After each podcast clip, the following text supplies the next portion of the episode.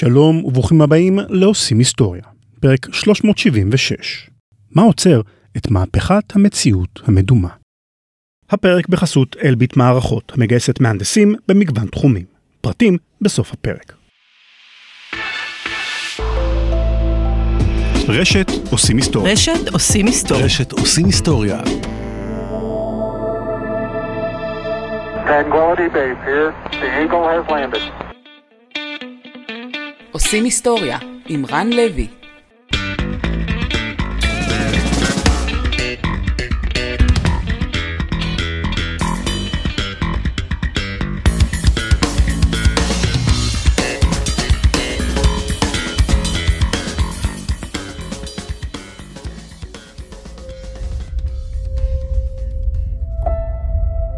בשלהי שנת 2021 הטיל מרק צוקרברג, מייסדה של פייסבוק, פצצה וירטואלית על עולם ההייטק. והמילה וירטואלית מתאימה מאוד בהקשר הזה. בסרטון וידאו שפרסם, שטח צוקרברג את החזון שלו לגבי עתידה של פייסבוק, ובהתחשב בעוצמתה האדירה של הרשת החברתית, אולי גם לגבי עתידה של האנושות כולה. צוקרברג חשף שפייסבוק עובדת על מיזם בשם מטאוורס, עולם וירטואלי דיגיטלי שכולנו נוכל להיכנס אליו באמצעות משקפי מציאות מדומה ולנהל בו את חיינו הדיגיטליים כשאנחנו מיוצגים על ידי אבטאר אישי. צוקרברג כל כך מאמין בחזון שלו, עד שהשם שהוא נתן לחברת האם החדשה של פייסבוק לקוח משמו של היקום הדיגיטלי העתידני הזה, מטא. ההכרזה הזו עוררה המון התלהבות בקרב לא מעט אנשים. אחרי הכל, יקום וירטואלי שכזה הוא חלומם הרטוב של הגיקים כולם. ראינו גרסאות שלו בלא מעט סדרות וסרטי מדע בדיוני, החל מההולודק של מסע בין כוכבים הדור הבא, דרך העולם הממוחשב של טרון, וכלה במטריקס. גם אני, אני מודה, מפנטז על חיים בעולם דיגיטלי, שבו בלחיצת כפתור אחת וכמה מצמוצים, גם אני אדע קונג פו. אבל מצד שני, אני גם קצת ספקן לגבי סיכויי ההיתכנות של החזון השאפתני הזה. למה?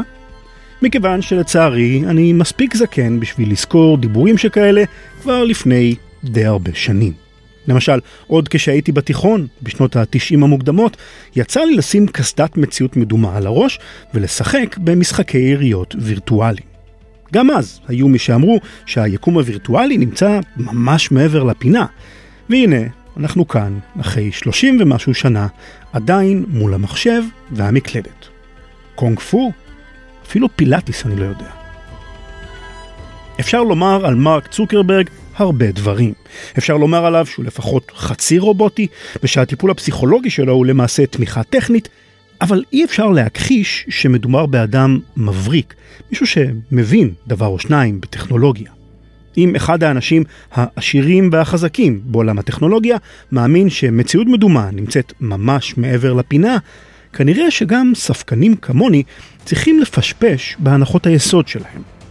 מה השתנה בעולם הטכנולוגיה בשנים האחרונות שהפך את החלום הרחוק של מציאות מדומה לאפשרי, לפחות לדעתו של צוקרברג, ומה עוד צריך לקרות ושאני ואתם נוכל בעוד כמה שנים לשים על הראש משקף ולצלול לתוך עולם דיגיטלי שבו אנחנו יכולים לרכוב על אופנוע מהיר, לזמן מדפים מלאים בכלי נשק בנקישת אצבע, או להגשים כל פנטזיה פרועה אחרת שאי פעם חלמנו עליה.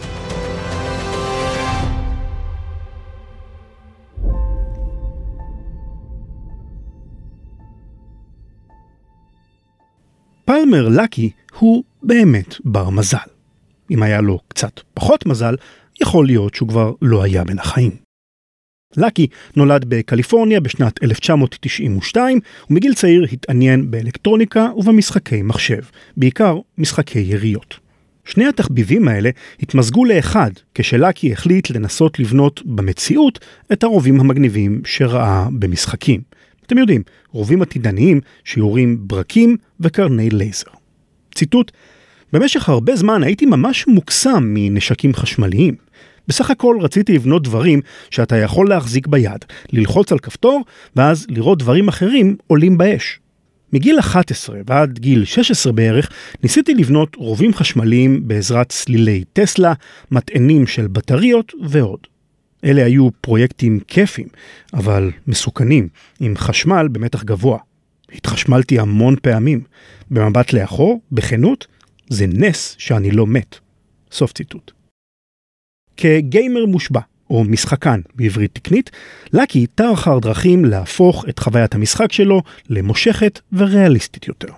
הוא ניצל את הכישרון הטכני המרשים שלו כדי לתקן אייפונים מקולקלים, ובכסף שחסך, כמה עשרות אלפי דולרים, סכום לא מבוטל בשביל נער בן 16, הוא רכש לא פחות משישה מסקי מחשב, שאותם חיבר לכדי מכונת משחק משוכללת במיוחד. אבל זה עדיין לא הספיק. לקי חיפש משהו שיאפשר לו להרגיש כאילו שהוא נמצא ממש בתוך המשחק, וכך הוא נתקע לראשונה ברעיון של מציאות מדומה. כשביקש לרכוש משקף מציאות מדומה, הוא גילה שישנם מעט מאוד דגמים זמינים של משקפי מציאות מדומה, וכולם היו יקרים עד להחריד, אלפי עד עשרות אלפי דולרים למשקף. לקי לא ויתר. הוא החל ללכת למכירות פומביות של ציוד של חברות שפשטו את הרגל, וחיטט את רגליו בין חנויות אלקטרוניקה כדי למצוא שם משקפי מציאות מדומה במחירי מבצע. וזה עבד. לקי הצליח לשים את ידיו על לא פחות מ-51 דגמים של משקפיים.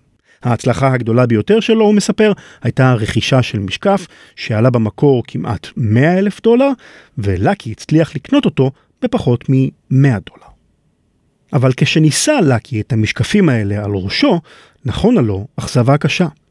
כל הדגמים שבחן, ללא יוצא מן הכלל, היו רחוקים מלספק לו את החוויה הסוחפת והעשירה שהוא חלם עליה. שדה הראייה שלהם, רוחבה של התמונה שמוצגת למשתמש מול העיניים, היה צר ועלוב, הרזולוציה של התמונה הייתה נמוכה, והמשקפים עצמם היו כבדים ולא נוחים. ציטוט פירקתי אותם לחלקים ולמדתי איך הם עובדים. ניסיתי ללמוד מה עובד כמו שצריך ומה לא עובד, ואז התחלתי לנסות ולשנות כמה מהם כדי ליצור מהם משהו שבאמת אוכל להשתמש בו. אבל במרוצת הזמן נעשה לי ברור שהדרך היחידה ליצור משהו שהוא באמת באמת טוב, תהיה להשליך מהחלון את כל הרעיונות העיצוביים שכולם משתמשים בהם, ולהתחיל מאפס. סוף ציטוט. אתם יודעים מה? אני חושב שזה רעיון טוב. בואו נחזור גם אנחנו, אחורה בזמן, אל שורשיה של טכנולוגיית המציאות המדומה המודרנית, כדי להבין את מה שהיה לא בסדר בכל אותן עשרות המשקפות שבחן פלמר לקי. ואם כבר להתחיל מאפס, אז בואו נתחיל משאלה ממש בסיסית. למה יש לנו שתי עיניים?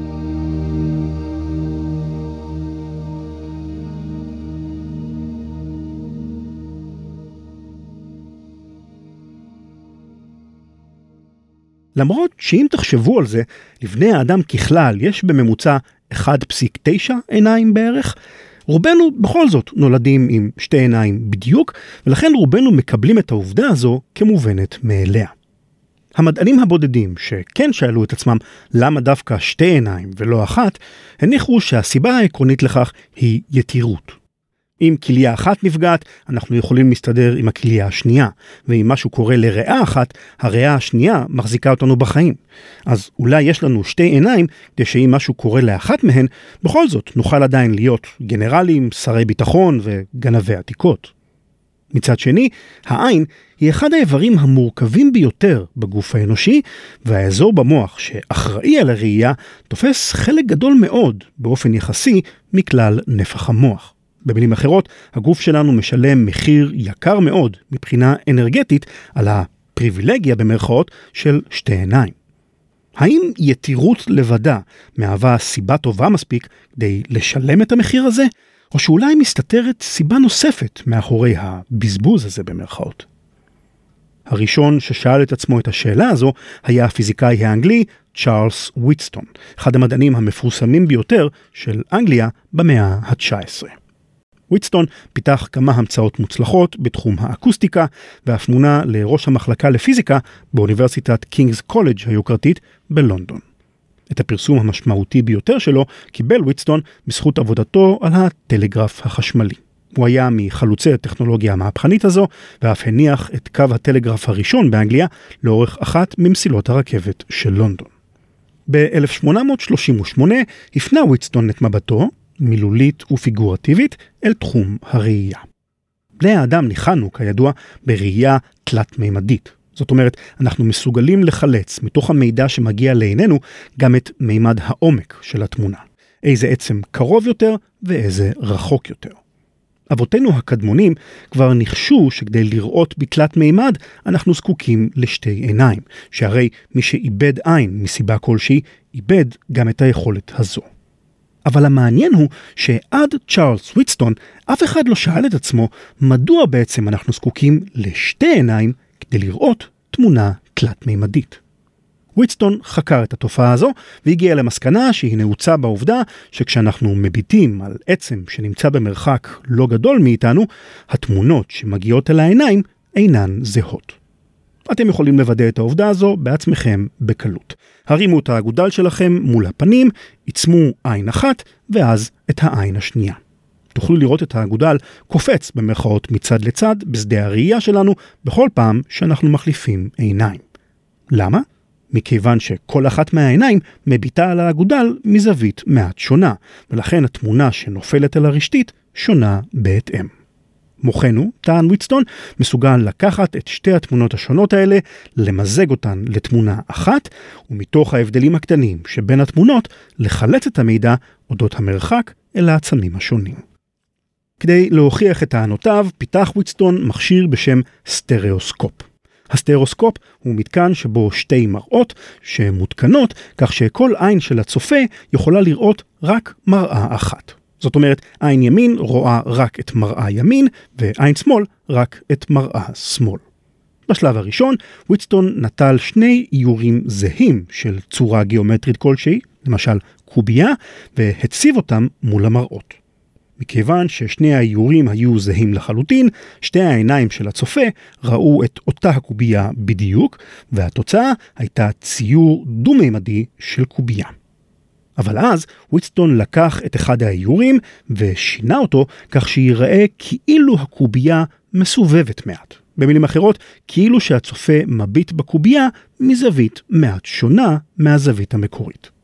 כעת, כשהחליף בסטריאוסקופ את אחד האיורים המקוריים באיור החדש, לפתע פתאום הקובייה נראתה כאילו היא קופצת מתוך הדף והופכת לתלת מימדית.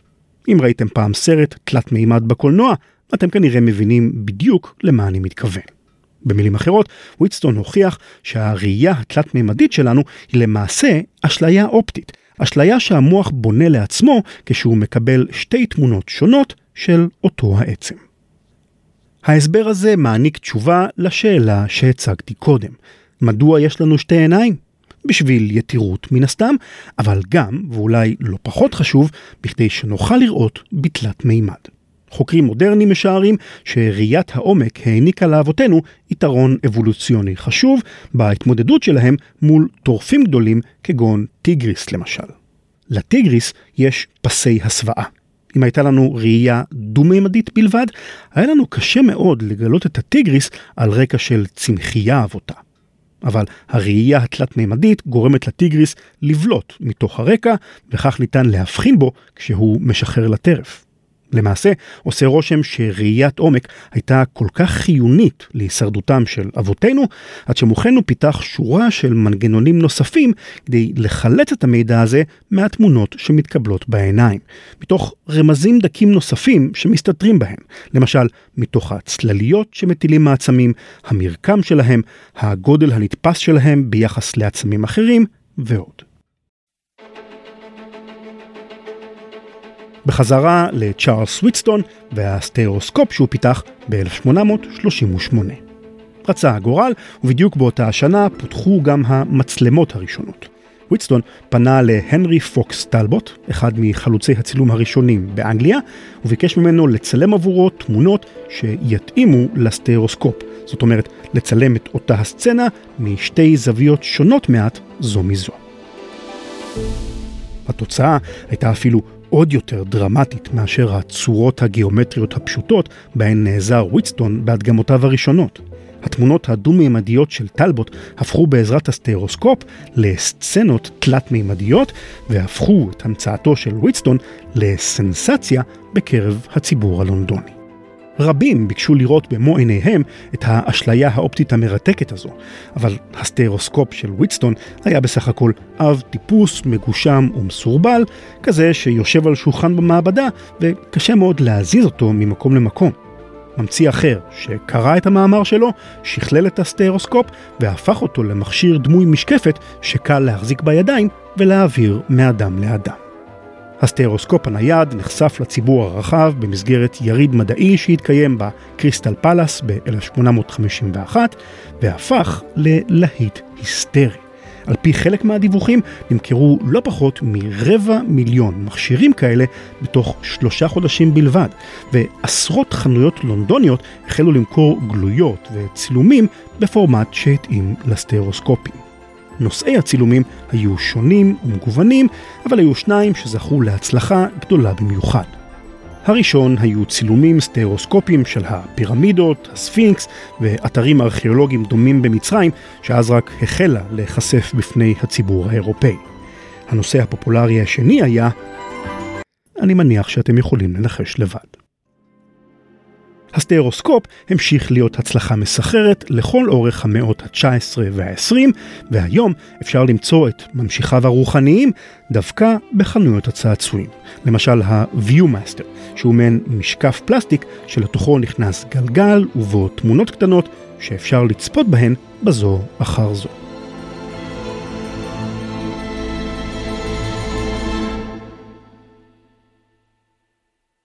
במחצית הראשונה של המאה ה-20, עם פריחתם של הקולנוע והטלוויזיה, היו לא מעט אנשים שהחלו שואלים את עצמם אם אולי אפשר לנצל את האשליה האופטית הזו כדי להפוך את התמונות התלת-מימדיות שראינו על המסכים לחוויה תלת-מימדית, מציאותית ומשכנעת יותר. היו סופרי מדע בדיוני, כדוגמת סטנלי ויינבאום, שאפילו העזו לחלום על מעין גרסאות ראשוניות של עולם וירטואלי בסגנון המטריקס. חלפו עוד כמה וכמה עשורים עד שהטכנולוגיה התפתחה מספיק, ורק בשנות ה-50 וה-60 נעשו מספר ניסיונות ראשוניים לממש את הרעיון הזה. הבולטים מביניהם היו של מורטון הייליג, קולנוען חובב טכנולוגיה, שב-1960 רשם פטנט על מה שהיום היינו מכנים משקף המציאות המדומה הראשון. מעין קסדה שבה הותקנו שני מסכי טלוויזיה זעירים זה לצד זה, כדי ליצור תמונה תלת-מימדית. לרוע המזל, הייליג הקדים את זמנו במידה ניכרת, ומסכי הטלוויזיה, למרות שהיו קטנים יחסית, היו עדיין כבדים ומסורבלים מכדי שאפשר יהיה לשאת אותם על הראש בנוחות. בהמשך פיתח הייליג גם מעין מכונת משחק ארקיידית בשם סנסורמה, שהקרינה סרטונים תלת-מימדיים קצרים, ושילבה בתוכה גם מאווררים שדימו רוח נושבת, שפריצרים שהתיזו חומרי ריח ברגעים מסוימים וכדומה. גם ההמצאה הזו, כפי שאפשר לנחש, הייתה בוסרית וחדשנית מדי לזמנה. הניסיון המשמעותי הבא לפתח מערכת מציאות מדומה עבור השוק הצרכני שייך לחברת VPL Research שבאמצע שנות ה-80 פיתחה משקף בשם אייפון מהמילה i, עין, חליפה מיוחדת בשם דאטה סוט שבה הוטמעו חיישני תנועה וגם כפפה מתאימה Data Glove, שגם בה היו חיישני תנועה ואפילו רכיבים מכניים שאפשרו למשתמש לחוש במרכאות בדברים שהוא נוגע בהם בעולם הווירטואלי. הגרסה המלאה והמשוכללת של המערכת הייתה יקרה להחריד, בין עשרת אלפים למאה אלף דולר ליחידה, ולכן רק ארגונים גדולים ועשירים יכלו להרשות אותה לעצמם. אבל ב-VPL רצו בכל זאת להביא את בשורת המציאות המדומה אל הקהל הרחב. לשם כך, VPL שיתפה פעולה עם חברת הצעצועים מטאל, ויחד הן פנו לנינטנדו היפנית, שאז שלטה בשוק קונסולות משחקי הוידאו בארצות הברית. נינטנדו ויתרה מראש על המשקף, מחשש שמא ילדים שיחבשו אותו ייפלו במדרגות או ייפצעו בתאונות אחרות. אבל דווקא הכפפה עוררה את סקרנותם כתחליף פוטנציאלי להשלט הסטנדרטי של קונסולת המשחק.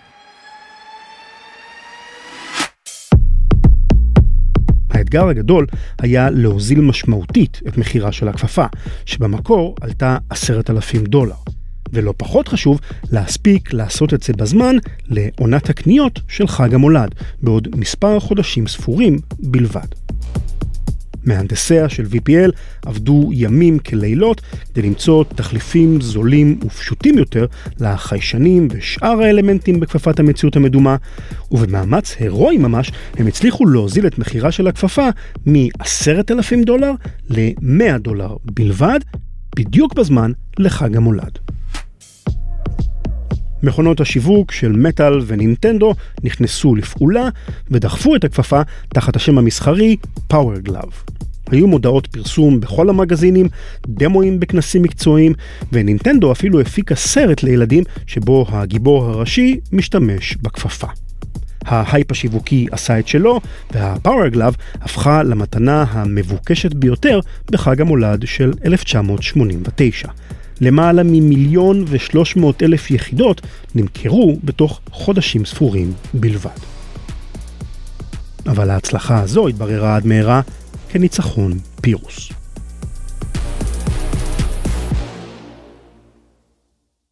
במישור הטכני, הכפפה סבלה ממספר בעיות. למשל, זמן התגובה שלה לתזוזות של השחקן היה איטי יחסית, והשליטה על הנעשה על המסך הייתה הרבה פחות מדויקת מאשר עם הבקר הרגיל של הקונסולה.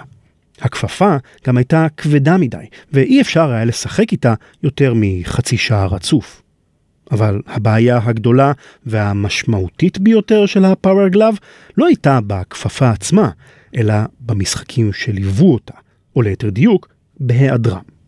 אפשר לעקוף את הבעיות הטכניות של איטיות וחוסר דיוק אם מתכננים את המשחק מראש בהתאם.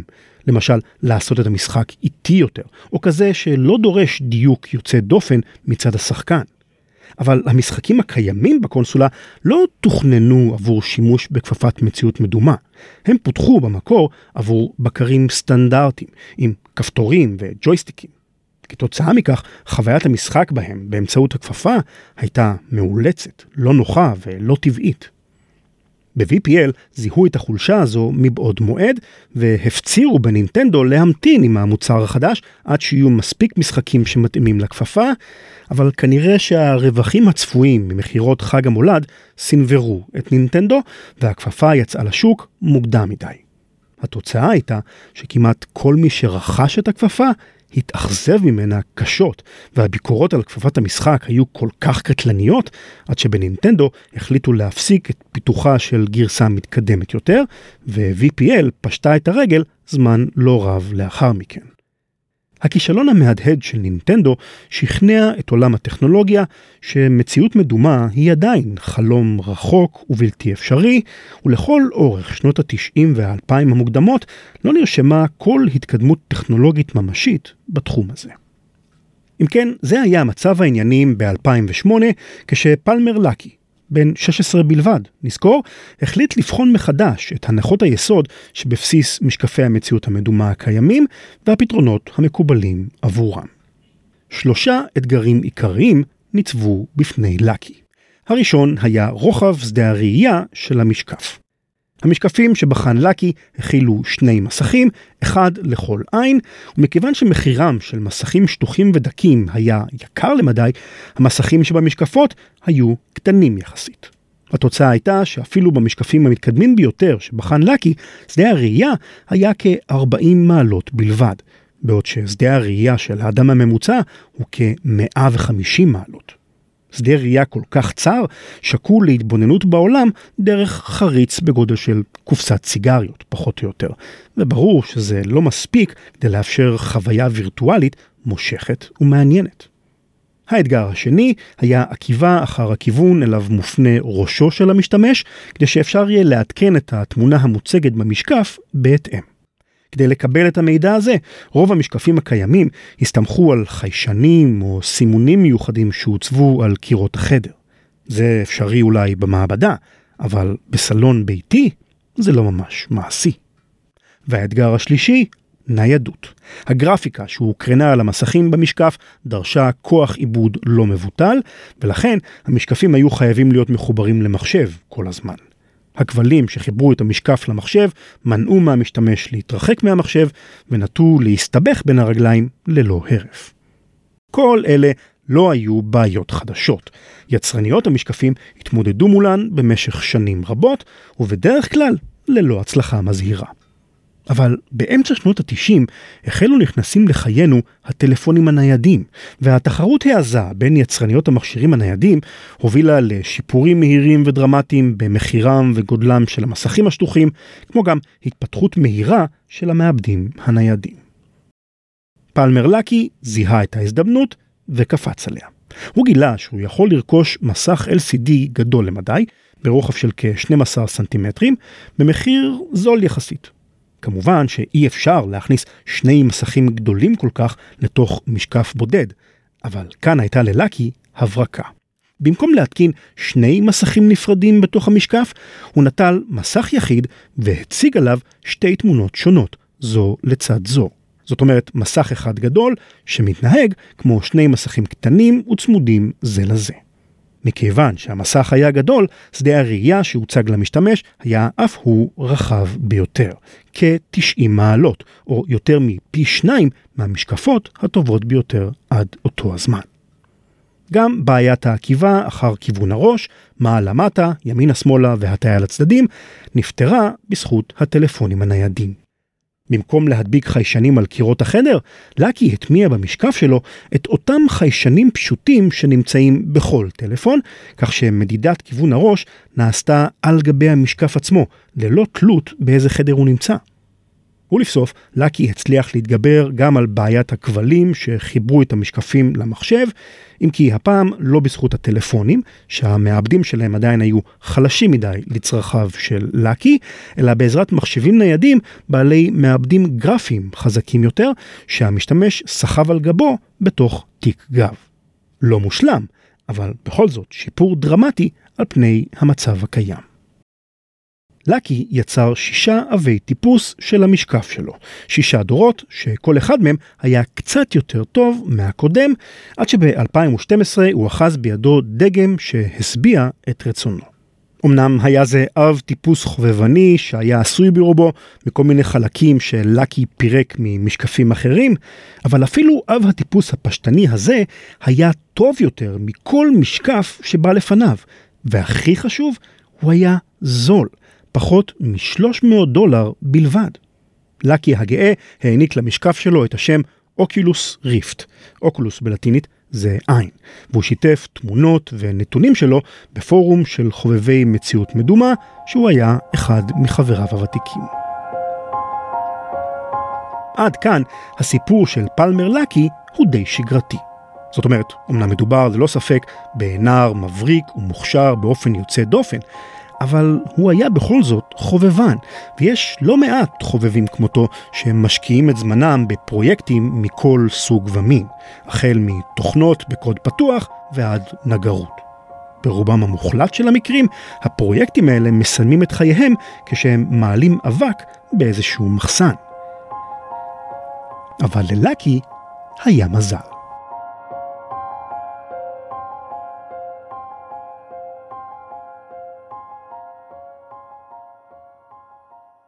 ג'ון קרמק הוא עבור משחקי המחשב, מה שסטיבן ווזניאק הוא עבור המחשב האישי. עד קרמק, משחקי המחשב היו דו-מימדיים.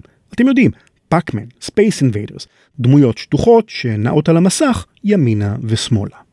קרמק העניק למשחקי המחשב את מימד העומק. המשחקים שהוא פיתח בשנות ה-90, Doom, Quake, Wolfenstein 3D ואחרים, נחשבים לפורצי דרך והשיקו ז'אנר חדש לחלוטין של משחקים. משחקי יריות בגוף ראשון, שבהם הדמויות נעות בתוך עולם תלת-מימדי. אין פלא שבקרב חובבי משחקי המחשב כמוני, קרמק הוא אלוהים. ההצלחה, כפי שאפשר לשער, הפכה את ג'ון קרמק לאיש עשיר. עקרונית, הוא לא היה חייב לעבוד יותר, הוא היה יכול לצאת לפנסיה ולהשקיע את זמנו בתחביבים הרבים שלו, כמו למשל פיתוח רקטות לטיסות חלל, חקר בינה מלאכותית או אפילו ג'יוג'יצו וג'ודו. אבל קרמק באמת אוהב טכנולוגיה, והוא אף פעם לא הפסיק לחפש אחר המהפכה הטכנולוגית הבאה. החיפוש הזה הוביל אותו לאותו פורום אינטרנטי של חובבי המציאות המדומה, שאליו השתייך גם פלמר לקי. קרמק נתקל במציאות מדומה כבר בשנות התשעים, אבל המשקפים שהוא ניסה אז לא השאירו אצלו רושם חיובי. הטכנולוגיה שניסה הייתה פרימיטיבית מדי, לא מספיק משכנעת, ובעיקר יקרה מאוד. 20 שנה לאחר מכן, בסביבות 2010, החליט קרמק לבחון שוב את הרעיון הזה, אבל כמו פלמר לקי לפניו, גם הוא גילה לאכזבתו ששום דבר מהותי לא השתנה בתחום המציאות המדומה ב-20 השנים שחלפו. ואז, ב-2012, נתקל קרמק בפוסטים של לקי פלמר בפורום אודות האוקולוס ריפט שהוא בנה, ותיאוריו של לקי הציתו את סקרנותו. האם באמת ייתכן שנער בן 18 פיתח במוסך של הוריו את משקף המציאות המדומה הטוב ביותר בעולם? קרמק התיישב מול המקלדת ושלח ללקי הודעה. היי, מה שיש לך נראה מעניין, יש סיכוי שאני יכול לקנות משקף אחד כזה? פשוט שלחתי לו אחד בחינם, סיפר לקי מאוחר יותר בריאיון עיתונאי. נו, טוב, מה אתם הייתם עושים אם אלוהים היה מבקש מכם טובה? כשקיבל לידיו ג'ון קרמק את המשקף, הוא בחן אותו לעומק ואהב את מה שראה. אכן, האוקולוס ריפט של לקי היה טוב יותר מכל המשקפים היקרים שקנה קרמק לעצמו. ובכל זאת, היו בו שתי בעיות קריטיות שלקי עדיין לא הצליח לפתור. הראשונה הייתה בתכונה המכונה latency, והשנייה באופטיקה של המשקף. בואו נתחיל ב-latency. אחת הבעיות הכאובות והמעיקות ביותר של המציאות המדומה היא מחלת תנועה. לכל אורך השנים, אחוז ניכר מהאנשים שניסו להשתמש במשקפי מציאות מדומה דיווחו על בחילות נוראיות, רצון להקיא, סחרחורות, וזה הכרה. אם התיאור הזה מזכיר לכם מחלת ים, זה לא במקרה. שתי התופעות האלה נובעות מאותו מקור, הפער בין מה שרואות העיניים לבין מה שמדווחת למוח האוזן הפנימית, האיבר שאחראי על שיווי המשקל. אחד הגורמים שמשפיעים רבות על חומרתה של מחלת התנועה במציאות מדומה הוא ה-latency, או זמן ההשהיה בעברית. זמן ההשהיה הוא הזמן שחולף מהרגע שהמשתמש מזיז את ראשו ועד הרקע שבו התמונה במשקף מתעדכנת בהתאם. אם ה-latency ארוך מדי, עלול להיווצר מצב שבו המשתמש מזיז את ראשו הצידה, אבל התמונה במשקף עדיין לא הספיקה להשתנות.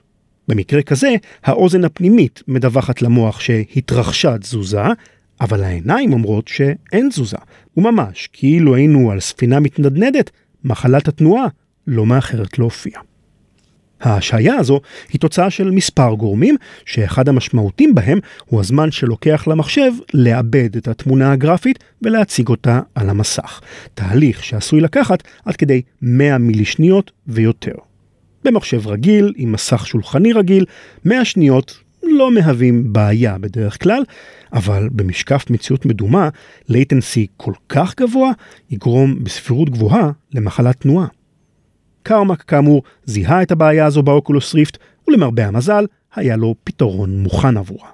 הוא החליף את חיישני התנועה שבחר לקי בחיישנים אחרים ומהירים יותר, וניצל את ההבנה העמוקה שלו בגרפיקה ממוחשבת כדי לקצר את זמן העיבוד של המידע בתוך המשקף לכדי 20 מילי שניות בלבד. שיפור משמעותי שהקטין את הסיכוי למחלת תנועה באופן ניכר. הבעיה השנייה שבה הבחין קרמק הייתה באופטיקה של האוקולוס ריפט. הרימו את כף היד שלכם והציבו אותה במרחק של כמה סנטימטרים מול העיניים. תוכלו להבחין מיד שכף היד נראית מטושטשת, מכיוון שהעיניים שלנו לא מסוגלות להתפקס על עצם שנמצא קרוב כל כך אל הראש שלנו. הסיבה לכך היא שהעדשות שבתוך העיניים, למרות שהן מסוגלות להתקמר ולשנות את נקודת המוקד שלהן לפי הצורך, בכל זאת מוגבלות בגמישות שלהן. הבעיה הזו נעשית חמורה יותר ככל שאנחנו מתבגרים, והעדשות נעשות אפילו פחות גמישות. זו הסיבה שאנחנו צריכים משקפי קריאה שימקדו את קרני האור עבורנו. במשקפי מציאות מדומה, המסך נמצא קרוב מאוד לעיניים, ומסיבה ברורה.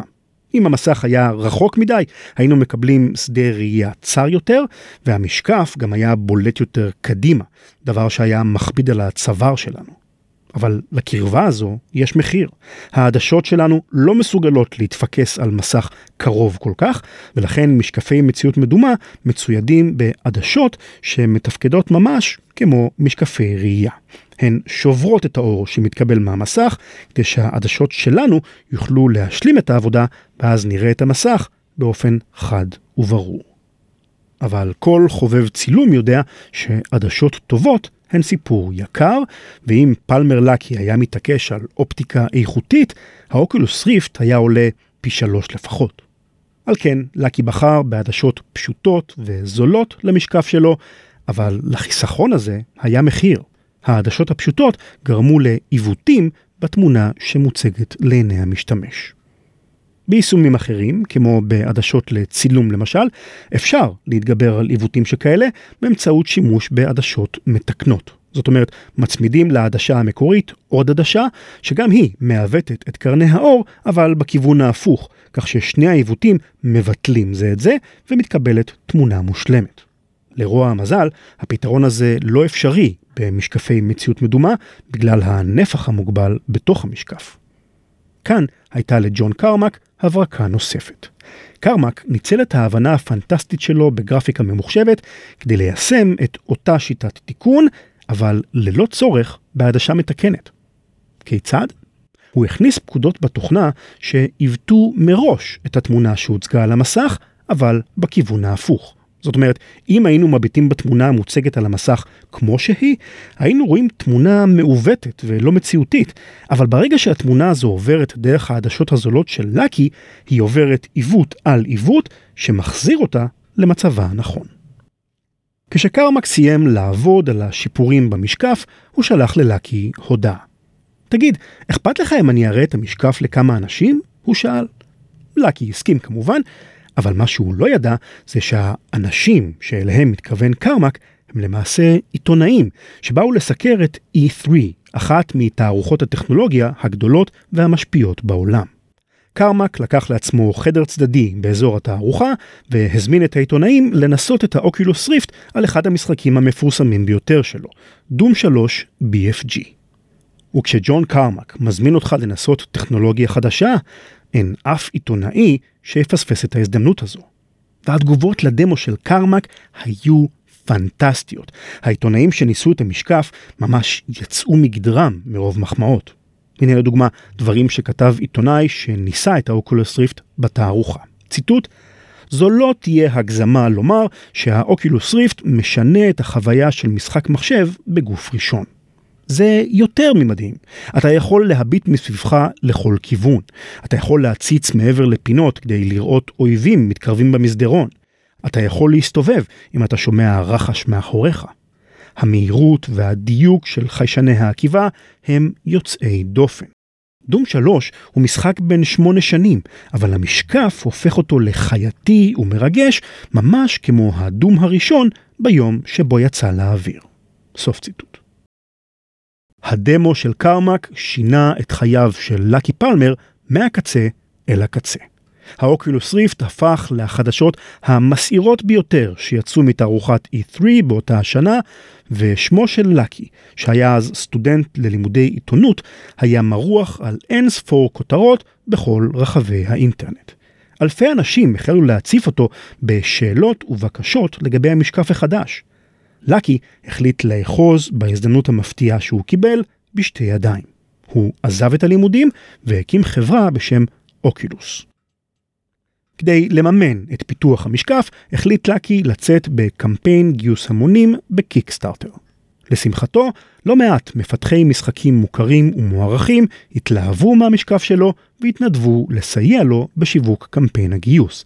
למשל, גייב ניואל, מייסדה ונשיאה של חברת ואלב, עוד אגדה מהלכת בעולם משחקי המחשב, הסכים להופיע בסרטון השיווקי שליווה את הקמפיין, לצד בכירים מחברות משחקים מובילות אחרות, כגון אפיק, יוניטי ועוד.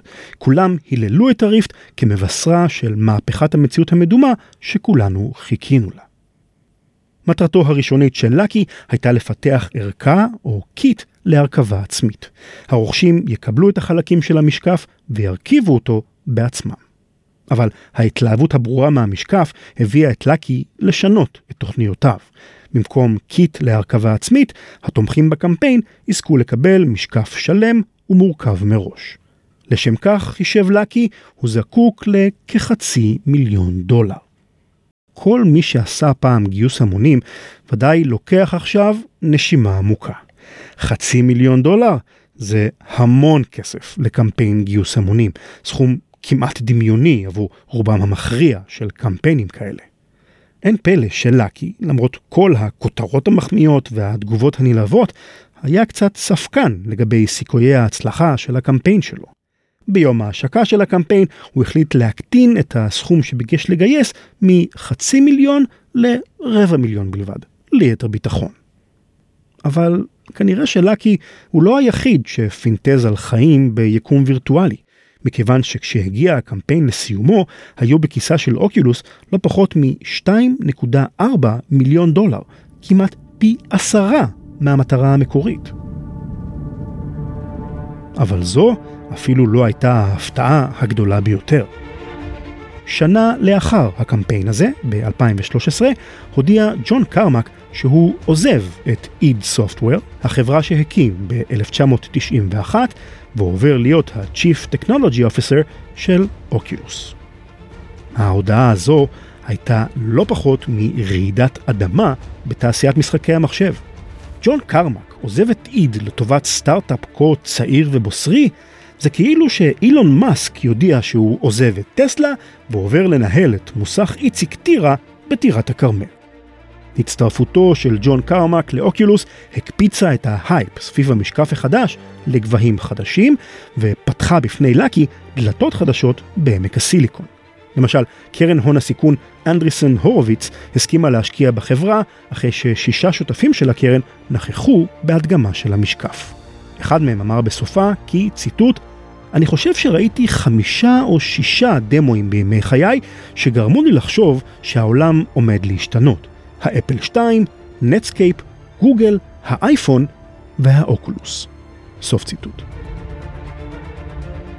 אבל אפילו 75 מיליוני הדולרים שהשקיע אנדריסן הורוביץ באוקולוס היו רק המתאבן לדבר האמיתי. אחרי שמרק צוקרברג ניסה את האוקולוס ריפט והתלהב ממנו, פייסבוק החליטה לרכוש את אוקולוס תמורת לא פחות משלושה מיליארד דולר. סכום מדהים, שעל פי דיווחים עיתונאיים, שליש ממנו הלך לכיסו של פלמר לקי בן ה-22.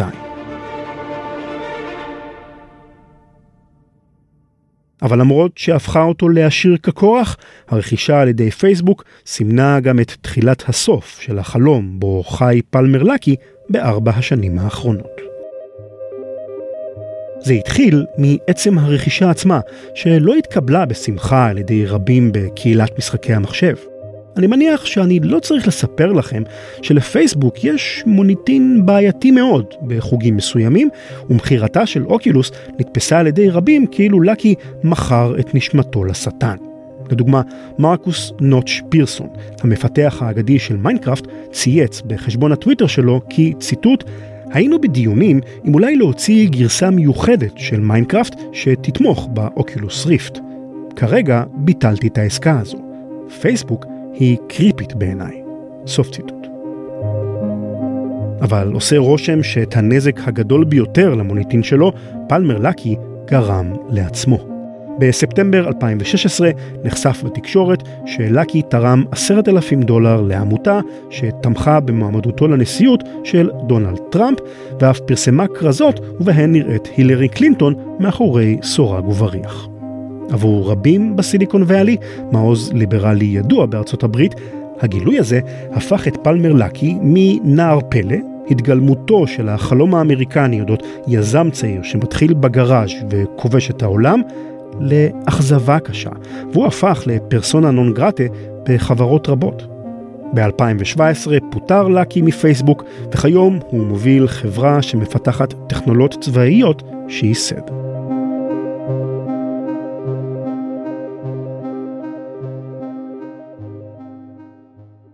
אבל למרות שלאקי כבר מחוץ לתמונה, זו לא תהיה הגזמה לומר שהאוקילוס ריפט התניע מחדש את חלום המציאות המדומה בסיליקון ואלי. עשר שנים חלפו מאז הציג פלמר לקי לעולם את האוקולוס ריפט, וכיום אפשר למצוא בחנויות מבחר נכבד של משקפי מציאות מדומה איכותיות, ולא פחות חשוב, במחירים שמציבים אותם בהישג ידם של רבים בציבור הרחב. גוגל שחררה מהן משקף פשוט בשם קארדבורד, סמסונג וסוני הכריזו שהן מפתחות משקפי מציאות מדומה מתוצרתן, ואוקילוס עצמה, או בשמה הנוכחי Reality Labs, שחררה את הדגם המסחרי הראשון של הריפט ב-2016, דגם משופר בשם ריפט S, ובהמשך את ממשיכיו הניידים, ה-Quest וה-Quest 2, שזכו כולם לביקורות חיוביות. ובכל זאת, אנחנו עדיין לא שם. כשאני אומר שם, אני מתכוון למטאוורס, לאותו חזון עתידני שבו כולנו מנהלים חיים מקבילים במציאות מדומה ומסתובבים עם משקפי מציאות מדומה באותה הטבעיות שבה עושים זאת הדמויות בסרט שחקן מספר אחת או בספר סנואו קראש. אז מה עוד צריך לקרות כדי שהמציאות המדומה תיכנס לחיינו במלוא עוצמתה? במישור המעשי נותרו עוד כמה בעיות טכניות שצריך לפתור. קודם כל, המשקפות הקיימות עדיין כבדות מדי, וקשה לחבוש אותן ליותר מאשר חצי שעה או שעה. שנית, הגרפיקה של המשחקים במציאות המדומה עדיין לא מרשימה ואיכותית כפי שהתרגלנו לראות במסכי מחשב רגילים, מכיוון שלמעבדים שמוטמעים במשקפות אין עדיין את עוצמת העיבוד המספקת. אתגר טכנולוגי נוסף הוא מעקב אחר תנועות ידיו של המשתמש ללא צורך בבקרים מיוחדים, דבר שעתיד להפוך את החוויה של המציאות המדומה לטבעית ונוחה יותר. אהלן, אני יוני קנטי, אני בעברי מהנדס מכונות של Medical Devices והיום Senior Quality Engineer בחברת מולטינריטי ומנהל גם את הקהילות הגדולות בפייסבוק ישראל של VRIL וגם אה, XR DevZIL, קבוצה יותר אה, מקצועית למפתחים בתחום. אצל מי שמבינים בעניינים האלה לעומק, כמו יוני למשל, התחושה השלטת היא של אופטימיות זהירה. הדור הבא של המכשירים שצפויים לצאת בשנה הקרובה, הפלייסטיישן VR 2 והפרויקט קמבריה, שזה בעצם סוג של קווסט פרו למשתמשים מתקדמים יותר, יש שם אה, עקיבה של אישונים. אה, שתאפשר לאבטרים שלנו להיראות הרבה יותר ריאליסטיים וטבעיים בשיחה, מאוד חסר המבט של העין בין האנשים, וזה יאפשר גם למפתחים ולמפרסמים לדעת טוב יותר על מה אנחנו מסתכלים ולהתאים את החוויה שלנו אה, למשתמש, יהיה אפשר ליצור חוויות אינטראקטיביות הרבה יותר שונות ממה שהכרנו. אה, זה יאפשר גם לעשות חישובי גרפיקה הרבה יותר טובים, רק באזור אנחנו מסתכלים, כי המוח שלנו רואה בצורה חדה את המרכז, ומסביב הוא רק רואה אה, תנועה. אה, אז זה יאפשר אפילו על, על מעבדים ניידים, שהם מאוד עדיין יחסית חלשים ביחס למחשב, לעשות, להציג גרפיקה הרבה יותר טובה. החזון העתידי זה משקפי מציאות מדומה ורבודה, זה בעצם ציוד אותו חומרה. יהיה אפשר כ-AR להסתכל החוצה דרך מסך חצי שקוף, ולעבור למצב VR פשוט עושים עם איזשהו כיסוי שגם מסתיר את העיניים מהצדדים, אה, מסתיר את האור מבחוץ, ואז זה הופך למשקפי VR. זה סיפור של 3-4 שנים עד שנראה דברים כאלה, כבר יש כל מיני פרוטוטייפים. מבחינת טכנולוגיות חדשות, אז אה, תנועת אה, ידיים כבר ברמה מאוד גבוהה בקווסט 2, אין לזה המון שימושים, כי במשחקים חסר את, הפידבק לקבל ממקשים. טכנולוגיה שמאוד מחכים שתיכנס ותהיה מספיק טובה זה 5G, אה, שבעצם כל החוויות VR AR שלנו לא יצטרכו לרוץ על מכשיר מקומי שמוגבל ומתחמם, אלא, אלא בענן, אה, וזה חלק מהעניין של להוריד את הגודל הפיזי של המכשירים, שאתה לא צריך אה, אחסון מקומי, אלא רק סוללה לתצוגה ותקשורת, אפשר יהיה לעשות את הכל בענן, וזה באמת יפתח את האפשרויות.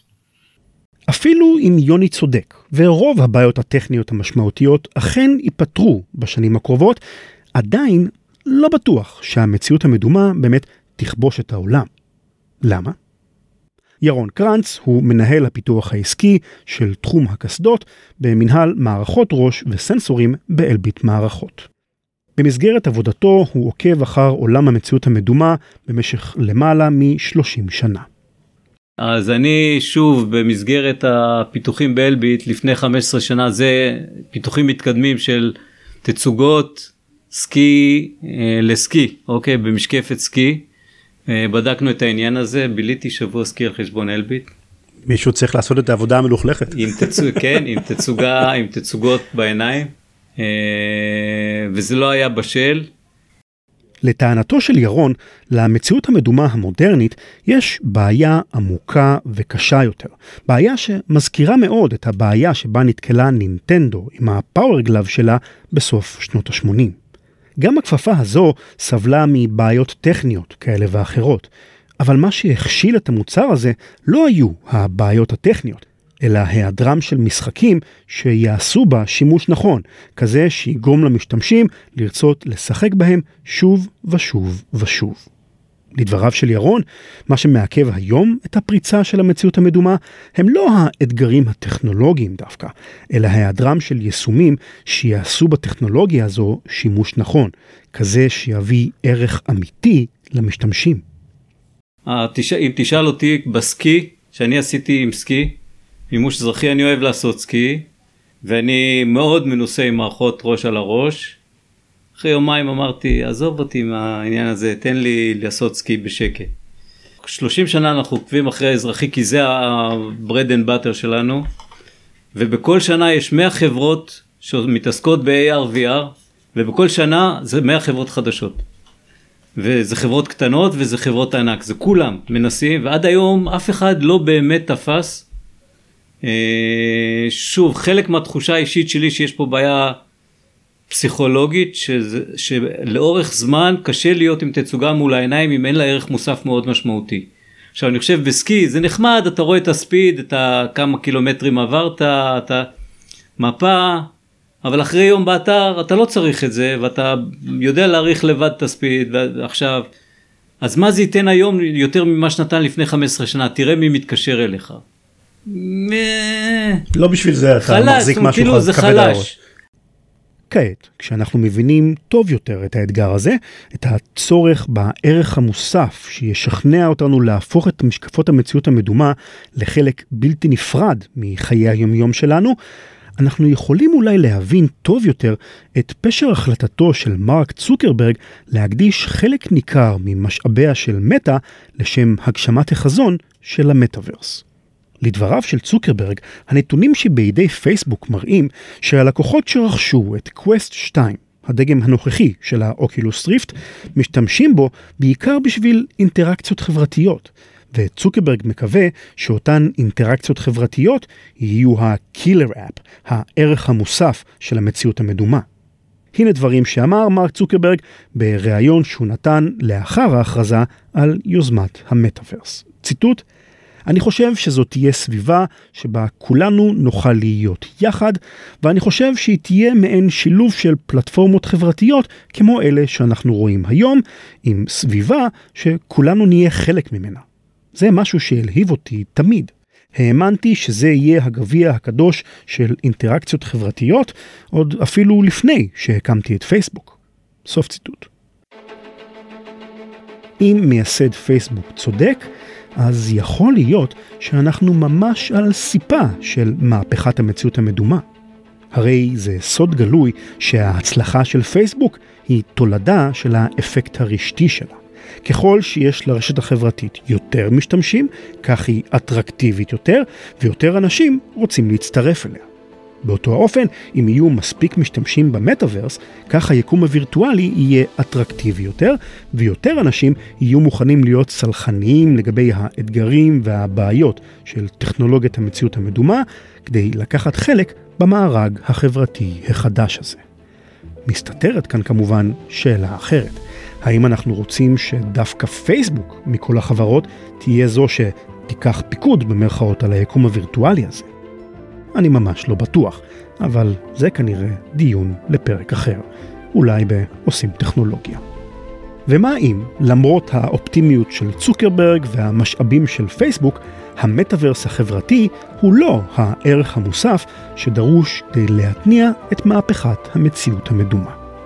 במקרה כזה, כנראה שנמשיך לחפש, מכיוון שהפנטזיה על חיים בעולם וירטואלי, שבו כל אחד יכול להיות כל דבר שירצה, חלום שמלווה אותנו כבר מאה שנה בערך, היא כנראה חזקה מכל דבר אחר.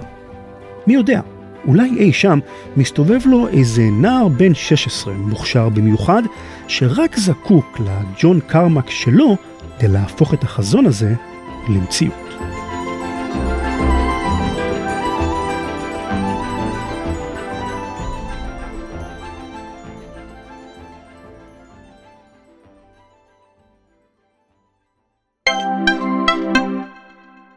הזה מבחינתך הוא קצת יום הפוך, כי אתה מתחיל בקסדת אקסייט, שזה state of the art של הקסדות שבעצם קיימות היום בעולם התעופה. אין דבר כזה בשום מקום אחר בעולם, בסדר? החיים בתור פודקסטר הם כעיקרון די דומים לאיך שאתם כנראה מדמיינים אותם. הרבה זמן באולפן, הרבה זמן מול המחשב, קצת ישיבות צוות, פה ושם השתתפות באירועים ובכנסים, וזהו, בגדול. לא שאני מתלונן, חס וחלילה, אבל 99.9% מהזמן אלו חיים לא ממש מסעירים, נאמר זאת כך. אבל פה ושם, אתם יכולים לראות את הרוטור זנב, נמוך טילים, והוריד כבר לא מעט ראשים. דרך אגב, במסוק בדיוק כזה, גם הרוטור הראשי הוריד פעם למישהו ראש והרג אותו. אז צריך להיזהר, לא, אפשר... האבולוציה לא אוהבת טייסים גבוהים, אני מניח. ממש לא. לפני מספר שבועות מצאתי את עצמי במקום מוכר ולא מוכר. מוכר, מכיוון שהמתחם שבו התארחתי שייך לאלביט מערכות, החברה שבה התחלתי את הקריירה שלי כמהנדס אלקטרוניקה לפני יותר מ-20 שנה, כסטודנט ואחר כך כמהנדס מן המניין.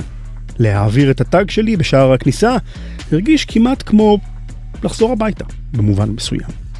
וגם לא מוכר, מכיוון שהמקום בו עמדתי הוא מנחת המסוקים של אלביט, שמעולם לא ביקרתי בו בימים שבהם עבדתי בחברה. האנשים שאירחו אותי הם אנשי מנהל מערכות ראש וסנסורים של החברה.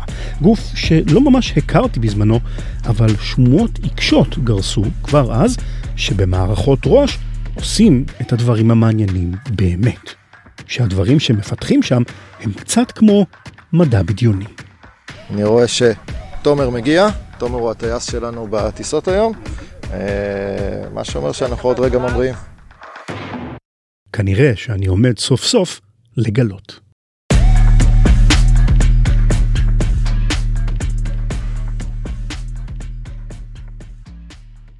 בפרק ששמעתם קודם התמקדתי במשקפי מציאות מדומה, בעיקר מכיוון שזו הטכנולוגיה שאני ואתם יכולים לקנות כבר היום בחנות ולקחת הביתה.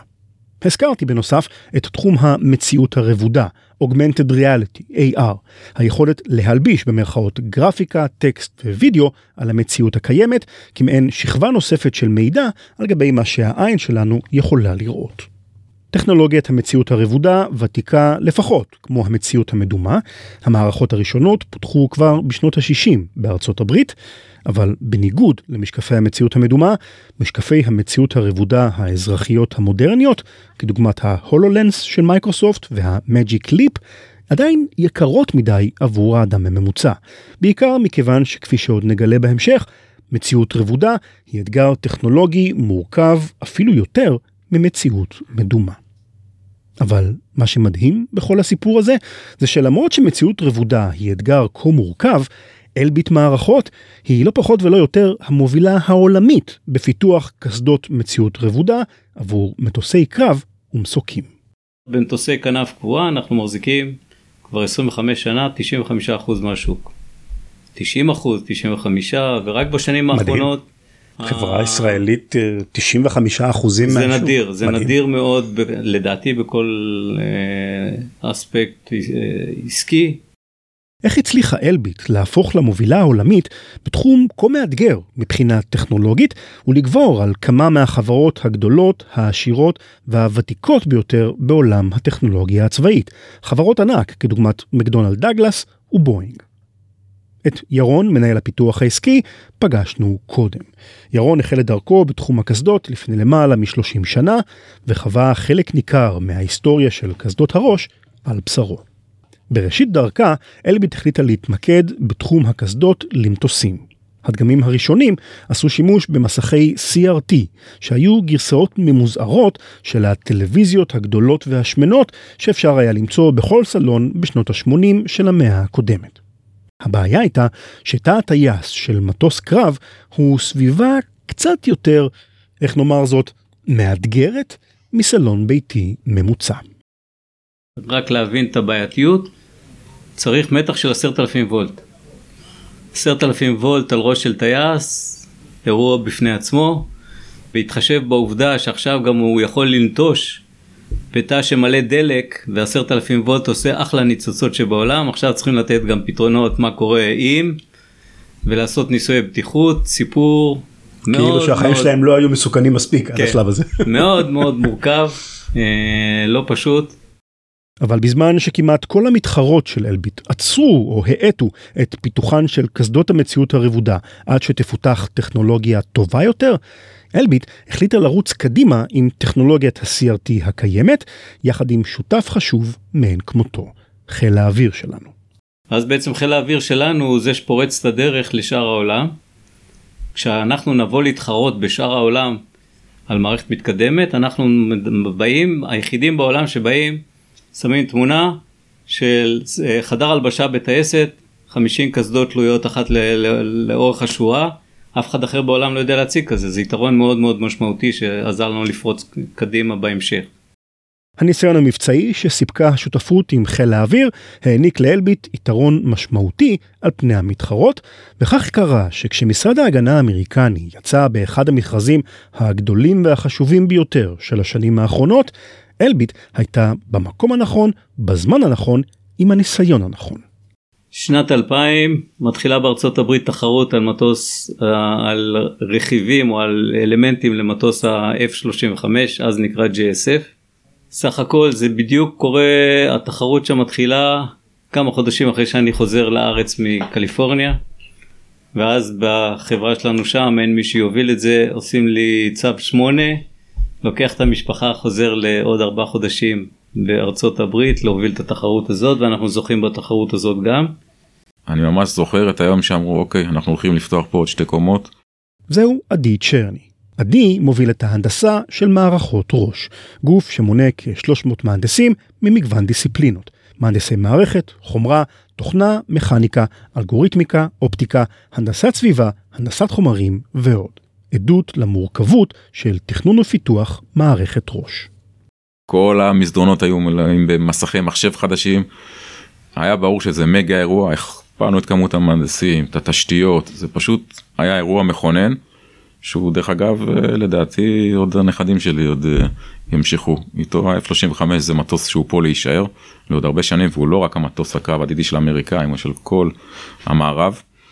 אה, וחד משמעית זה שחייה שהיא Game Changer, שגם אחד הדברים הטובים שקורים ממגה פרויקט כזה שנכנס, שזה מכניס כספים שמאפשרים לנו לעשות את אותם דברים מדהימים ש- שראית, להשקיע בעתיד, להשקיע ב-R&D, להשקיע בפיתוחים העתידיים.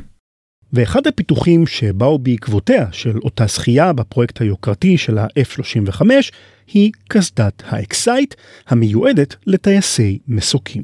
הקסדה שבזכותה מצאתי את עצמי במנחת המסוקים של אלביט, מתכונן בפעם הראשונה בחיי לעלות על מסוק שמשמש כמעבדה מעופפת.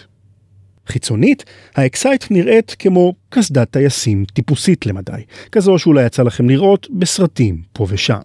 אבל בחלקה העליון של הקסדה, מתחת למשקף הכהה, ישנם שני מקרנים זעירים שהופכים את הקסדה למשקף מציאות רבודה. משקף שמאפשר למחשב לצייר גרפיקה ממוחשבת על גבי העולם שרואה הטייס לנגד עיניו. תמיר דמארי, מנהל טכני במנהל מערכות ראש, מסביר את מטרתה של הקסדה.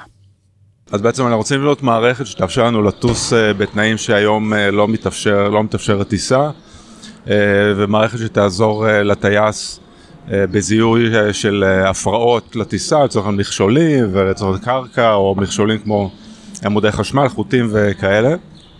אנחנו משתמשים לטובת המשימה הזאת בסנסורים שמותקנים על המסוק, ספציפית כרגע מותקן פה על המסוק אה, סנסור מסוג לידר, שזה חיישן מבוסס אה, לייזר, יש שם גם מצלמות ועוד חיישנים נוספים, כמובן יש פה גם מערכת ניווט על המסוק.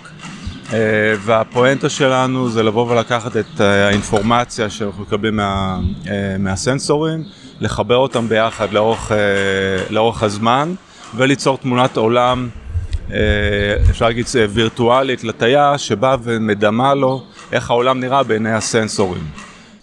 כל האינפורמציה הזו, הסביר לי תמיר, מעובדת בזמן אמת על ידי מערכת מבוססת Deep Learning שנמצאת על גבי המסוק ונשלחת אל הקסדה שמלבישה אותה במרכאות על גבי התמונה שרואה הטייס.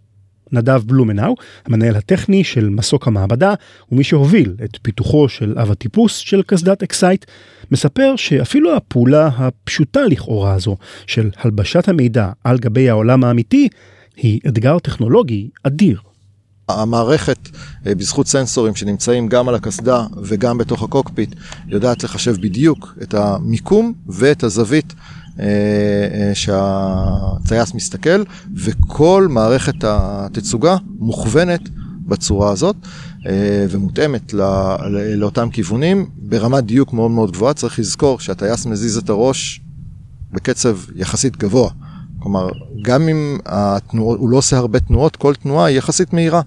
מה שאומר שהעיבוד שלנו בזמן אמת של מיקום הוידאו, של ההתאמה שלו לעולם, קורה בקצב uh, מטורף. אנחנו מדברים פה על uh, כל תהליך העיבוד ויצירת התמונה קורה בקצב של 50 הרץ, uh, 50 תמונות uh, בשנייה.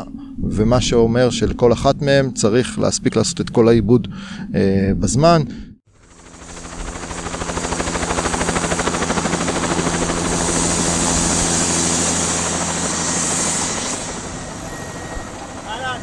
הגיע הרגע הגדול. אחרי המתנה של מספר דקות בבודקה קטן לצד המנחת, אני מקבל אישור להתקרב למסוק. נחום הטייס מאשר לי להיכנס לקוקפיט. אני מטפס פנימה, נקשר בחגורת הבטיחות, ובעיקר משתדל שלא לגעת בשום דבר.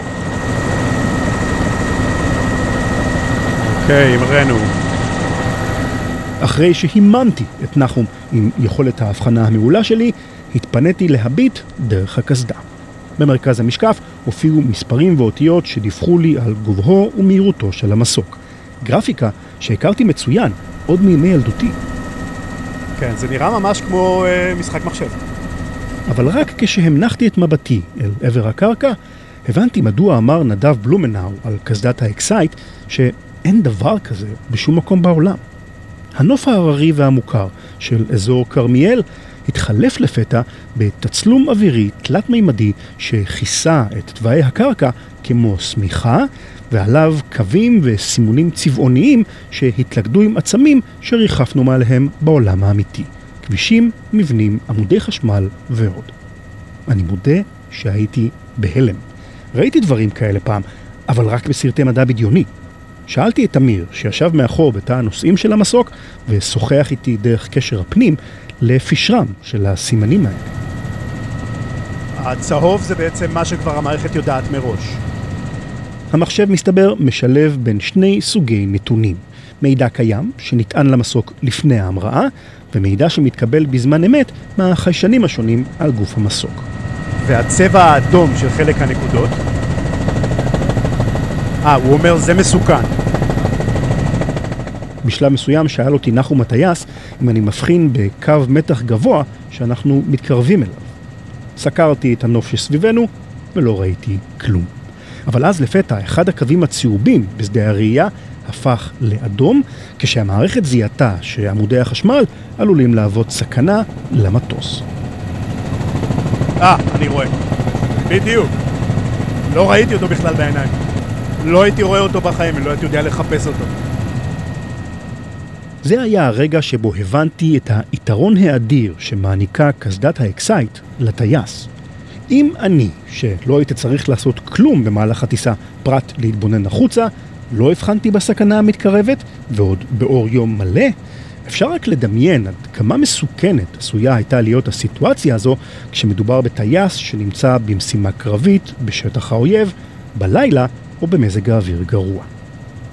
נחום מסובב את המסוק ומבקש ממני להתבונן על אזור מסוים מתחתינו.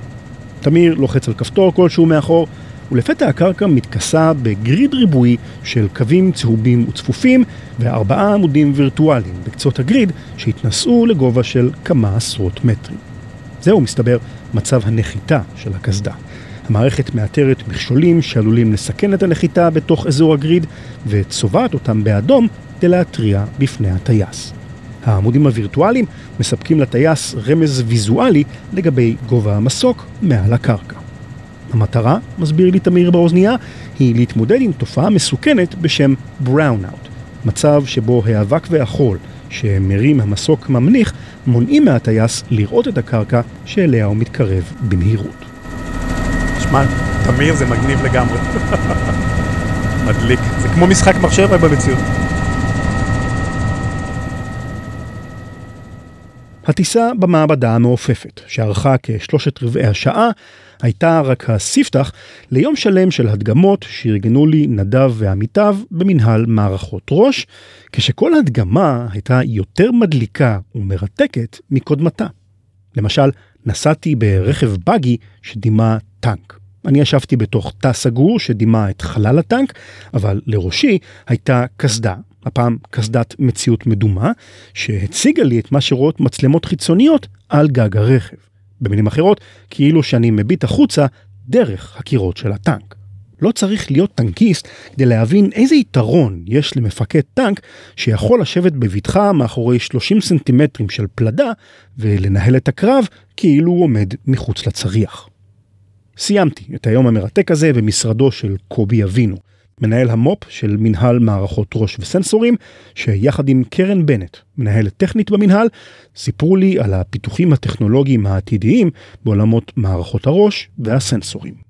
בין הפיתוחים האלה תוכלו למצוא סנסורים חדשניים שמיועדים לעבודה בכל מזג אוויר, מערכות עיבוד וקבלת החלטות לטיסה אוטונומית מבוססת בינה מלאכותית, ותצוגות מציאות רבודה מתקדמות. ומה שאנחנו עושים פה בעצם בגוף המו"פ של החטיבה זה לחבר את עולמות הסנסורים וה-AI למערכת הראש. ולמה צריך לעשות את זה? כשיש הרבה מאוד סוגים של מידעים מהרבה מאוד מקורות וצריך לאתח אותם בזמן שאתה מטיס את המטוס ועושה, ועסוק במשימה, אתה מתחיל לפספס דברים, אתה מתחיל לאבד אוריינטציה. אה, אנחנו יודעים להרבה מאוד תאונות בעולם בהיסטוריה של התעופה שהם כתוצאה איזשהו קוגניטיב וורקלוד על הטייס, עיבוד אוריינטציה, כולם מדברים על התאונה של קובי בריינט, שבעצם היה שם טייס שנכנס למזג אוויר, איבד אוריינטציה בעולם, חשב שהוא מגביה אבל בעצם הוא הנמיך והוא בסוף התרסק על ההר, נכון? אז רק באמצעות איזשהו ציור של סימבוליקה קונפורמית ככה שיושבת על העולם, או סנסור שמתקף את באמת מה שאנחנו על הנתיב של הטיסה. אפילו אם יש מזג אוויר אפשר uh, לעשות את המשימה, להציל חיים ולשמור על הבטיחות של הטיסה. עכשיו שמחברים את כל הדבר הזה, בעצם יש לנו ערוץ אחד שזה הסנסור החיישן שלנו, המעבד שלנו שבעצם לוקח את כל כמויות המידע שמגיעות אלינו כמידע גולמי, מעבד אותם בצורה חכמה באמצעות כל מיני אלגוריתמים או רשתות לומדות או אה, אה, פתרונות אחרים. ומייצר תצוגה לטייס, כל הערוץ הזה שאנחנו קוראים לו גם לפעמים פוטון לפוטון, כי אנחנו מטפלים בפוטון שנכנס לסנסור, כל הדרך עד לפוטון שיוצא לעין של הטייס, כדי לייצר את היכולות האלה. אנחנו משתמשים uh, בצוות שלי ברשתות uh, uh, לימוד עמוק. בגדול גם גילו, גם נושא של גילוי מכשולים, גם נושא של שחזור הטופוגרפיה. אה, מתוך בעצם מידע שהוא דו-מימד. עדי צ'רני מבין היטב שהיתרון שיש לאלביט מערכות על פני מתחרותיה הוא לא סיפור מוגמר. התחרות העזה מול מיטב החברות הביטחוניות בעולם מחייבת אותו ואת המהנדסים שתחתיו להפעיל את הראש ולא להפסיק לחדש אפילו לרגע. זה מתחיל בטכנולוגיות. יש פה מיקרוצגים, מערכות הקרנה, סנסורים מכל אורכי הגל. מחשוב מתקדם, אלגוריתמיקה, you name it, מכניקה, חומרים מרוכבים, לשים מערכת AR על הראש, זה מגה אירוע, הוא באמת מפוצץ בטכנולוגיות, וזה מחייב אותנו להמציא את עצמנו מחדש כל פעם. אתה לא יכול להמשיך לשקוט על השמרים, אתה כל פעם צריך לחפש את הדבר הגדול הבא. אחת הדרכים שחברות אה, וגם אלביט עושות זה מה שנקרא אקתונים. בואו ניפגש פעם בשנתיים לאיזה יומיים על בירות וכל מי שיש לו רעיון ננסה לפתח את זה. דרך אגב, אחלה דבר, אני, נהנה מזה מאוד כל פעם שזה קורה, אבל זה לא מה שאני מחפש. אני מחפש מה שנקרא חדשנות ביומיום. אני רוצה שזה יהיה חלק מהתרבות שלנו. אז ממש בנינו סוג של מתודה יומיומית, אנחנו קוראים לזה חדשנות ביומיום. בכל רבעון אנחנו אוספים את כל הרעיונות שיש לאנשים, לא מחכים לאיזה מגה אירוע. בודקים כל רעיון שיש לו גם ערך וגם ישימות, אנחנו מכניסים אותו לתוכניות העבודה שלנו, אבל במה שאנחנו קוראים ספירלות קצרות. קח שבועיים, תנסה לעשות איזושהי ספירלה זריזה, תראה בסוף מה שאנחנו קוראים לו MVP, איזשהו משהו עם ערך שאני יכול להעריך האם באמת יש פה משהו או לא, ואם זה טוב, עוד ספירלה אחת, ואחרי זה בוא נראה אם זה משהו שאפשר להפוך אותו לפרויקט. וזה קורה כל הזמן, ריקארינג, אם יש לך רעיון, תוציא אותו. אני נהניתי לעבוד באלביט, תקופה של עשייה בעלת משמעות שהשאירה אצלי המון זיכרונות טובים. אבל זה היה לפני המון שנים. שאלתי את קרן מדוע לדעתה כדאי להצטרף לאלביט דווקא היום. אני נוהגת uh, לקרוא למקום הזה שמורת טבע. באמת שאני חושבת ששני הדברים הכי משמעותיים פה זה גם האנשים וגם העניין. היכולת פה אה, לעסוק בדברים אחרים ולשנות בעצם את העיסוק שלך כאילו ברמת העניין והתכנים ומאוד מאוד גבוהה. אני יכולה להגיד באופן אישי שהתחלתי פה בכלל באלגוריתמיקה הייתי פה כמה שנים, אחר כך הייתי בהנדסת מערכת, הובלתי צוות, היום אני באזורים שונים לגמרי של של R&D פרופר ובאזורים בכלל של רשתות לימוד שזה דבר שרק נכנסתי אליו בשנים האחרונות וזה מאפשר אה, כל הזמן את הגיוון, כל הזמן את העניין, אבל בסביבה מאוד מאוד אה, אה, מוגנת, נעימה, אה, נוחה. ואני רוצה להוסיף שלמרות שאלביט היא חברה גדולה ויש פה עשרות אלפי עובדים עדיין בכל מקום שאתה נמצא יש תחושה של משפחה קטנה של צוות קטן שעובד ביחד, שכמות האתגרים והעניין שיש פה והוורסטיליות של האתגרים, כלומר אתה יכול לקום כל בוקר ולהיתקל באתגר שונה לחלוטין ממה שהתעסקת ביום שלפני. והסיפוק שזה מייצר על לקחת רעיון, לפתח אותו ולראות איך הוא הופך להיות מבצעי אצל לקוח, איך הוא עוזר להציל חיים. אני חושב שזה סיפוק שלא נתקלתי בו בהרבה מקומות והוא יתרון פשוט אדיר אנחנו בעיקר צריכים אנשים שיש להם drive פנימי לאתגרים, לטכנולוגיה, לעבודה עם אנשים. אמ, אז אני קורא לכל מי שחושב שהוא רוצה להתעסק בעתיד של ה-air mobility המתקדם. על uh, בעוד uh, עשר שנים יטוסו לנו קצת כלים פה וישמשו כמוניות uh, מעופפות או, או, או משלוחים מעופפים. אז אני קורא לכל מי שחושב שהוא רוצה אתגר מהסוג הזה, לבוא עם ראש פתוח, עם רצון ללמוד, וזהו.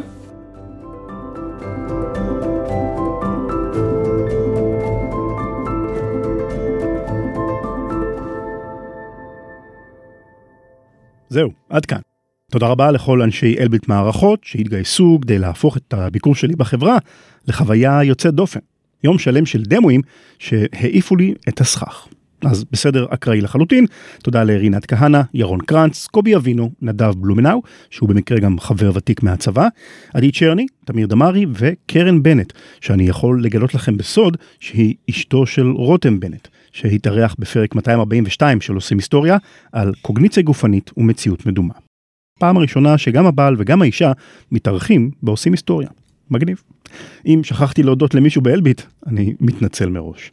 תודה רבה כמובן גם ליוני קנטי, מנהל קהילות הפייסבוק של VRIL ו-XR DevsIL, ומהנדס איכות בכיר במולטינריטי. מולטינריטי מפתחת מוצר בתחום המציאות הרבודה, AR, שמאפשר עבודה פרודוקטיבית לכולם ללא ניסיון קודם בטכנולוגיית AR או VR.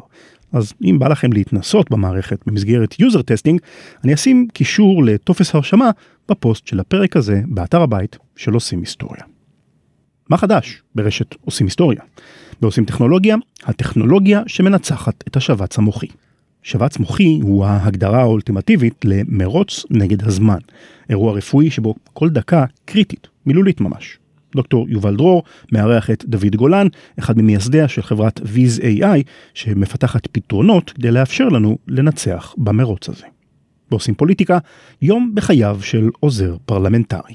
מה עושה עוזר פרלמנטרי ואיך מתנהלת לשכה של חבר כנסת? דפנה ליאל מעניקה לנו עוד הצצה מרתקת אל נבכי הפוליטיקה הישראלית ומארחת את אלעד וולף, ששימש כיועץ פרלמנטרי במשך שנים רבות. ועושים חשבון עם פרופסור עומר מואב ושירה הדס נקר, תביא את העודף. למה שומרים עודפי מיסים? גביית המיסים ב-2022 עלתה על התחזיות של הממשלה, ויש מי שטוענים שהיא צריכה להחזיר את הכסף העודף לציבור. פרופסור מואב מתנגד לכך נחרצות. למה? האזינו ותגלו. ובעושים תוכנה, בועז לביא בשיחה עם המתכנת האגדי, אפשר לומר אגדי, נכון? רן ברזיק, על השאלה שעוברת ברגעים אלה במוחם של אינספור אנשי הייטק. איך שורדים את המיתון? איך מתנהלים בעולם הפיתוח בימים של אי ודאות, ומה כדאי להדגיש בקורות החיים שלנו. כל הפודקאסטים של רשת עושים היסטוריה זמינים באתר הבית שלנו, עושים היסטוריה.com, באפליקציית עושים היסטוריה באנדרואיד, ובכל אפליקציות הפודקאסטים באשר הן. כתמיד, אם אתם אוהבים את הפודקאסטים של הרשת שלנו, עזרו לנו להביא מפרסמים ונותני חסות לתוכניות השונות. ספרו לאנשי השיווק והגיוס בארגון שלכם על הרשת שלנו ועל הפודקאסטים שלנו, ועזרו להם ליצור עמנו קשר. דרך טופס צור קשר באתר או ישירות במייל ran at ranlevy.com. אפשר גם להזמין אותי להרצות אצלכם, בארגון או בכל פורום אחר. אני מרצה בדרך כלל על מהפכת הבינה המלאכותית, על storytelling בשירות הטכנולוגיה, וכמובן גם על פודקאסטים. עושים היסטוריה, עם דור שפיר, יותם מלאכמי, שלי נוי והדס דרוקר בעריכה ובהפקה, מיכל לברטובסקי, מנהלת את סיפור משפחתי, אפי בריק, אחראי על השיווק והמכירות, אביב שם טוב, מנהל ההפקה, דני תימור, המנהל העסקי, ואני, רן לוי, כותב ומגיש. אנחנו נשתמע בפרק הבא. להתראות. In this house, we obey the laws of thermodynamics.